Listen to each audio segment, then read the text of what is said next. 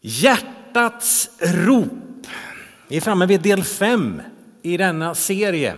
Och eh, Linnea kommer knyta ihop det här nästa söndag. Eh, och vi satt, jag och Linnea, här för en tid sedan och eh, så här, vad, vad är det vi vill ska dröja kvar med det här? Det handlar inte bara om att säga någonting en stund och sen så går vi hem, utan det finns ju en längtan att Guds ord och hur vi formulerar, Eh, att det berör våra hjärtan och skapar en, eh, en förändring eh, och att Guds rike mer får plats i våra liv.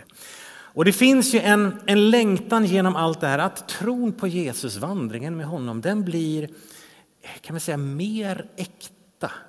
Att det är lite mindre filter och skydd och utan någonstans ett, ett öppet hjärta mot himmelen och även mot varandra. Vi har talat om att eh, våga lyssna inåt. Faktiskt, vad säger det i mitt hjärta? Vad är bönen? Vad är ropet? Vad är längtan som jag bär? Och att våga eh, formulera det, se det i sitt eget liv. Jag har talat om tillbedjan, att tillbe i ande och sanning. Att hela mitt liv har med Jesus att göra. Jag vänder hela mitt liv till honom. Att eh, om det ser ut på ett sätt, liksom måndag till fredag, och sen så ser det ut på något, och låter på ett helt annat sätt på söndag, då skaver det någonstans. Då är det inte riktigt helt. Utan att från måndag till söndag, 365 dagar om året, så är jag vänd mot Jesus. Mitt liv handlar om att ära honom oavsett vart jag är och vad jag gör. Vi har talat om tillbedjan här i gudstjänsten när vi möts, att det är en del av bönen, av att hylla honom och att vi gör det tillsammans. Jesus säger så här att det hjärtat är fullt av, det talar munnen. Då kan man ibland lyssna på vad säger jag? Och så kan man bli mörkrädd är det det här som finns i mitt hjärta. Men Jesus säger det hjärtat är fullt av talamunnen. Jag tänker det finns också någonting av att när vi bekänner så kan någonting hända i vårt hjärta. Så när vi lovsjunger, kära vän, var med. Sätt ord på din tro. Låt det få höras att du är tacksam. Låt det få höras att du älskar Jesus. Var inte en åskådare utan låt tillbedjan få komma ur ditt hjärta och ur din mun. Vi har talat om förbönens makt i detta, kraften i att få be för varandra. En längtan om att det ska vara enkelt att be för varandra. Det är enkelt både att söka förbön och att erbjuda förbön. Och att vi alla har behov av ett bönesvar.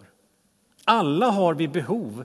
Alla har vi någon slags bön till Gud. Herre, gör det här, hjälp mig här, led här, fixa här, ta hand om dem, bär där. Det har vi allihopa. Och en del av det här med hjärtats rop handlar också om att ja, men jag kan visa det. Be för mig. Jag behöver inte berätta för er alla, be för mig i det här för att jag kämpar med det här för att... Och så vet, det är inte det, utan någonstans, jag kan säga att vi har behov. Den söndagen hade vi en fantastisk förbönstund när vi fick be för många, många människor som bara erkände, jag har ett behov, be för mig. Och att vi får fortsätta i den enkelheten och någonstans självklarheten, att det är klart att vi har behov. Och så förra söndagen om sanningen som en kontaktyta mot Gud. Att hela ingången i relationen till Gud bygger på sanning. Att vi måste vara ärliga mot Gud och säga Herre, det här är jag. Förlåt mig, jag behöver det här. Där möter vi Gud.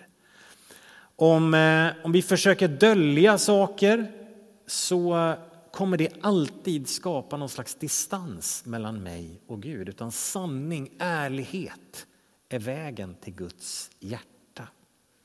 Att fasader kommer alltid stå mellan. Och vi tittade lite extra på saltaren som en hjälp, saltaren i Gamla Testamentet. De bönerna som är där, som är så eh, nakna, som är så transparenta, där man har allt ifrån Åh Gud, du är bäst till Herre, vart tog du vägen? Åh, tack för att du hjälper mig till varför lyssnar du inte? Herre, tack för segern och kraft till jag går under, gör någonting. Och så hela det spannet som vi har i saltaren. Och rubriken idag är nästan likadan, men bara nästan. Sanning som kontaktyta mot varandra. Det kanske inte är mot varandra utan mera till varandra som det ska stå. Det här handlar inte om att jag min sann ska berätta sanningen om dig, Walter. Du behöver höra det här för du min sann. Liksom. Eh, det är också en form av kontaktyta. Men det kan bli väldigt mycket friktion i den kontaktytan. Ehm, så det ska vi vara väldigt varsamma med, att tala sanning in i varandras liv. Det behövs också, det här med förmaning. Men det är en, det är en annan söndag, det är ett annat ämne. Eh, det är viktigt, men det är också väldigt svårt och känsligt. Och kanske är det så att det jag delar idag är lite grann en förutsättning för att sen också kunna tala in i varandras liv. Men sanning som en kontaktyta mot varandra. Och vi ska läsa eh, lite större text ifrån eh, ett av Johannes brev, första Johannesbrevet som både talar om tron på Jesus och relationen till varandra och sanning. Vi läser från första Johannesbrevets första kapitel och några verser i början där. Det som var från begynnelsen det vi har hört, det vi med egna ögon har sett, det vi har skådat och rört med våra händer. Om detta vittnar vi. Livets ord. Livet har uppenbarats, vi har sett det och vi vittnar om det och förkunnar för er det eviga livet som var hos Fadern och uppenbarades för oss. Det vi har sett och hört förkunnar vi för er för att också ni ska ha gemenskap med oss. Och vår gemenskap är med Fadern och hans son Jesus Kristus och detta skriver vi för att vår glädje ska bli fullkomlig. Den kristna gemenskapens, den kristna kyrkans essens, kärna, centrum, det är inte socialt, etniskt, kulturellt, nationellt, generationsbundet eller politiskt eller ingenting av det som är själva grejen. Vad är det vi har att berätta, säger han. Vad är vårt ärende? Vad är det vi har att komma med? Jo, detta. Han, livets ord. Han som uppenbarade för oss. Och Johannes han säger, jag fick ju vara med och ta på honom. Jag hörde honom, jag såg honom, jag var där. Kristus, det är mitt ärende. Livet som uppenbarades i honom, som även är det eviga livet. Det är inte bara här och nu, utan det är också det eviga livet. Han är vårt ärende. Så den eh, vad heter det, den eh, vertikala liksom, riktningen. Han där är centrum, där är livet. Jesus Kristus som kommer till oss och gemenskapen med honom. Det är grejen. Men i den här vertikala relationen så finns det också en horisontell. För att i vers 3, för att också ni ska ha gemenskap med oss och vår gemenskap är med Fadern och hans son Jesus Kristus. Det är ett både och som vi bjuds in till. För vi bjuds in till relationen med honom. Det är det absolut viktigaste för dig min vän. Liksom, vad är meningen med livet? Jo, det är, att komma in i relation med Jesus Kristus. Det är grejen. Sen finns det massa andra meningar med livet också, mycket viktiga saker. Men meningen med livet, om vi inte liksom möter honom, då spelar de andra inte den rollen som de gör sen. Att möta honom, in i relation med honom är själva poängen. Vi bjuds in där. Där möt, liksom, och när vi står där inför honom så märker vi att det är inte bara jag som står inför honom. Utan Niklas ställde upp. Niklas står också där nu får du vända dig om och så tittar du ditåt. Så. Niklas står också där bara. Hej Niklas, är du här inför honom? Och så har vi Linus, kom och ställ dig här. det blir rena teatern här. Då hade vi kunnat gå till Uppenbarelseboken 7 när Johannes får blicka in i evigheten. Och så står det att, och så såg jag framför tronen, där stod folk av alla stammar och språk och, och alla stod och tillbad honom. Men vi står tillsammans. Nej, fantastiskt, vilken insats. Varsågod och sätt er. Tack, tack. Så när vi står inför honom, vi bjuds in till det här. Han som är livet. Så bara, va? Står du här också? Ja, jag står också här. Och du med står här. Vi bjuds in till gemenskap också med varandra inför honom. På ett sätt kan man säga så här, det är väldigt trångt vid korset. Där står man själv. Det är inga gruppresor till korset, utan till korset går du själv och säger Jesus, förlåt mig min synd, jag behöver dig. Dit går du själv alltid. Men när vi har kommit till korset, helt plötsligt så upptäcker vi att det är inte bara jag, utan vi är många som står här. Vi bjuds in till gemenskapen med varandra. Det är Robert som får ett anfall här, ingen fara. Så där möts vi tillsammans med honom. Så tron är privat, eller tron är inte privat. Den är väldigt personlig, men den är inte privat. Utan inför tronen möts vi tillsammans. Den är alltid i gemenskap.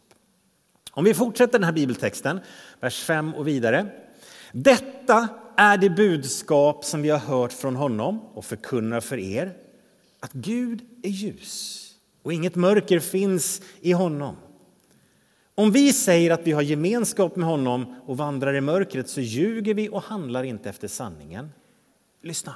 Men om vi vandrar i ljuset liksom han är i ljuset, då har vi gemenskap med varandra. Och Jesu, hans sons blod, renar oss från all synd.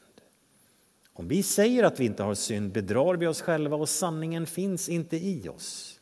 Men om vi bekänner våra synder är han trofast och rättfärdig så att han förlåter oss våra synder och renar oss från all orättfärdighet. Och om vi säger att vi inte har syndat gör vi honom till en lögnare och hans ord finns inte i oss.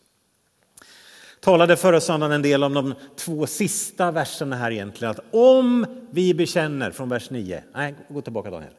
Om vi bekänner våra synder, då är han trofast och rättfärdig. Då kommer förlåtelsen.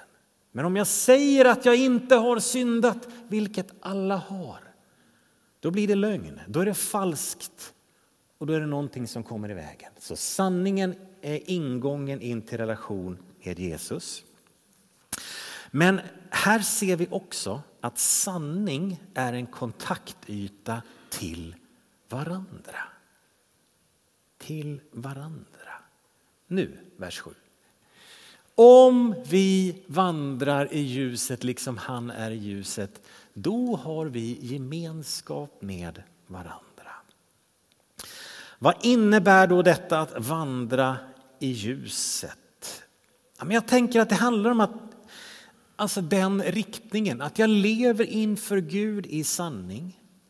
Lite grann det här att i bekännelse. Ehm, och så står vi där tillsammans. För att om jag står inför Gud någonstans i det här att Herre, jag har ingenting att komma med. Förlåt mig min synd, jag behöver dig. Då hamnar jag också i det här att eh, jag har ingenting att berömma mig av. Av den som står bredvid också. När du står bredvid mig och jag står inför Gud och säger jag har ingenting att berömma mig av. Så kan jag säga att jag har ingenting att berömma mig av. Ingenting. Det är att leva liksom i sanning med varandra. Vi är frälsta av nåd, det är en gåva. Och jag har ingenting att skryta med. Jag behöver nåd och barmhärtighet från Gud. Och sanningen om mig. Nu ska ni föra en bekännelse. Oh, lyssna nu. Jag behöver förlåtelse från Gud. Tänker du, vad har han gjort då? Jag behöver det ständigt. För att i ord, tanke och handling, attityder så misslyckas vi. Misslyckas jag. Ibland är det sånt som handlar om att jag älskar inte mina medmänniskor. Och grejen är att jag kan bekänna det här. Jag säger att jag behöver förlåtelse. Jag ska berätta en annan sanning. Du behöver också förlåtelse. Din syndare. Och vi står ju där tillsammans i det där. Vi har ingenting att berömma oss av inför honom. Alltså, vad har jag att komma med? Ingenting. Har du någonting att komma med? Nej, jag, jag behöver nåden också. Ja, då står vi här tillsammans du och jag. Det är att på något sätt leva i ljuset med varandra, för varandra. Att sanningen om oss själva blir den här kontaktytan. Sen har vi också det här, eh, Jesu bror, en av dem, Jakob, han skriver i sitt brev om det här att eh, det, det som vi genom kan man säga, historien lite grann har formaliserat det vi kallar för bikten, Jakobsbrevets femte kapitel. Bekänn därför era synder för varandra och be för varandra så att ni blir helade. Så här lyfter han syndabekännelsen liksom inför varandra. Och det här kan ha sin plats, absolut, och här ska vi också vara lite varsamma i det här, eh, i bekännandet för varandra. Men jag tänker i sin, i sin enkla form så handlar det här om att leva i ljuset med varandra. Att jag blottar lite grann av min svaghet för dig när jag säger att jag behöver nåd. Jag behöver att någon ber för mig. Det är ju lite grann att leva i ljuset, bara den. Kan någon be för mig? Jag behöver det. För då säger jag att jag klarar inte själv. Jag behöver hjälp i min vandring, jag behöver kraft. Jag behöver fyllas på av hans glädje och frid, för det räcker inte till i mig själv. Det är på ett sätt att leva lite grann i ljuset med varandra. Säga att vi, jag har behov. När jag, när jag talade om förbönens kraft, det här att eh, när vi har förbön, den möjligheten, så bara att jag gör det, så visar jag för dig ah, han behöver. Ja, jag behöver. Och det tänker jag, det, det är lite light-versionen av det här. När jag säger att jag räcker inte riktigt till. Om vi vandrar i ljuset liksom han är i ljuset, då har vi gemenskap med varandra. Och här blir ju då liksom sanningen lite grann som en kontaktyta till varandra. Sanningen om oss själva. Transparensen, att, att det som är äkta det är ju attraktivt och svaghet är en plats där vi möts. För alla bär det. Jag har ju aldrig Aldrig under mina år, vilket sammanhang det än har varit på något sätt, när, när en människa berättar om någonting som har gått sönder i sitt liv, i sin familj, vad det är. När det kommer det här, det, det blev så här. Jag gjorde det här, jag drabbades av det här. Och man ser att det gör ont i en människa. Jag har ju aldrig varit med om att andra människor bara vad dålig du är! Vilken sopig och svag människa du är. Jag har aldrig varit med om det. Utan alltid när människor lite grann blottar sitt hjärta, sitt liv och säger nu gör det ont. Vad händer då? Men man kopplar med varandra för man känner bara, kan jag göra något? Där svagheten, sanningen, det här att vi lever lite i att visa vi har behov. Det kopplar kopplar människor med varandra. Det bygger gemenskap, det tar oss nära varandra. Och det är när jag försöker visa upp någon slags, jag är alltid stark, jag liksom, yes, kom till mig om ni behöver för jag fixar. Det skapar ju distans. För alla vet att det här är inte på riktigt. Så svagheten blir på ett sätt ett, en, en plats där vi möts, för det är äkta och det är attraktivt. Det att jag vet att jag inte klarar mig själv. Jag behöver Guds kraft, jag behöver Guds nåd. Det är sanningen om mig. Jag behöver nåd från Gud. Och ibland behöver jag nåd ifrån dig, min vän. Vi behöver ge varandra det också. Ingvar, kommer du fram här så ska vi landa det här. Jag ska läsa en bibeltext till som ytterligare förstärker det här. Från Efesierbrevet 2 och 8. Lyssna på dessa vackra rader. Av nåden är ni frälsta genom tron, inte av er själva. En Guds gåva är det, inte på grund av gärningar för att ingen ska berömma sig. Hans verk är vi skapade i Kristus Jesus till goda gärningar som Gud har förberett för att vi ska vandra i dem. Här är ju frälsningen en gåva. Livet med honom, vad hände? Jag fick det. Jag har ingenting att skryta över där. Nej, precis. Och sen står det att vi är hans verk skapade i Kristus. Så att allt det jag är av gåvor, kallelse, vart kommer det ifrån? Från honom. Ja, då blev det inget kvar att skryta över där heller. Och till och med de goda gärningarna som jag lyckas vandra i, vart kommer de ifrån? De kommer från honom också. Det är han som har lagt ut dem framför mig. Ja, då blev det inget kvar att skryta med där heller. Och vad händer då? Då står jag inför honom och säger tack Jesus för nåd. Tack Jesus för det du har gett mig.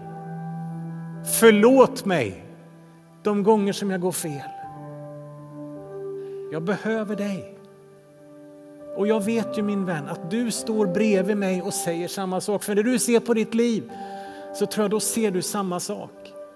Ah, Gud, jag behöver dig.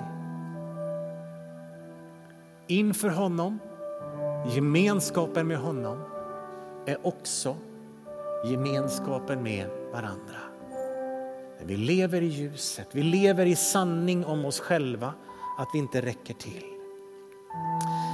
Sen har vi vandrat olika länge med honom, vi har vuxit olika mycket, vi har kommit olika långt i vår resa till Kristus likhet, absolut. Men fortfarande har vi ingenting att skryta om. Det är sanningen om dig och mig. Så de här raderna, jag kan ta sista Daniel. Om vi vandrar i ljuset, liksom han är i ljuset, då har vi gemenskap med varandra. Det är sanningen om dig min vän, det är sanningen om mig. Och jag tänker att det borde ge oss en liten ton av tacksamhet. När vi står inför honom tillsammans och säger Herre, jag behöver. Vi står där tillsammans och behöver. Det här bordet som är uppdukat, det om något påminner oss om vårt behov av hans hjälp in i våra liv, eller hur?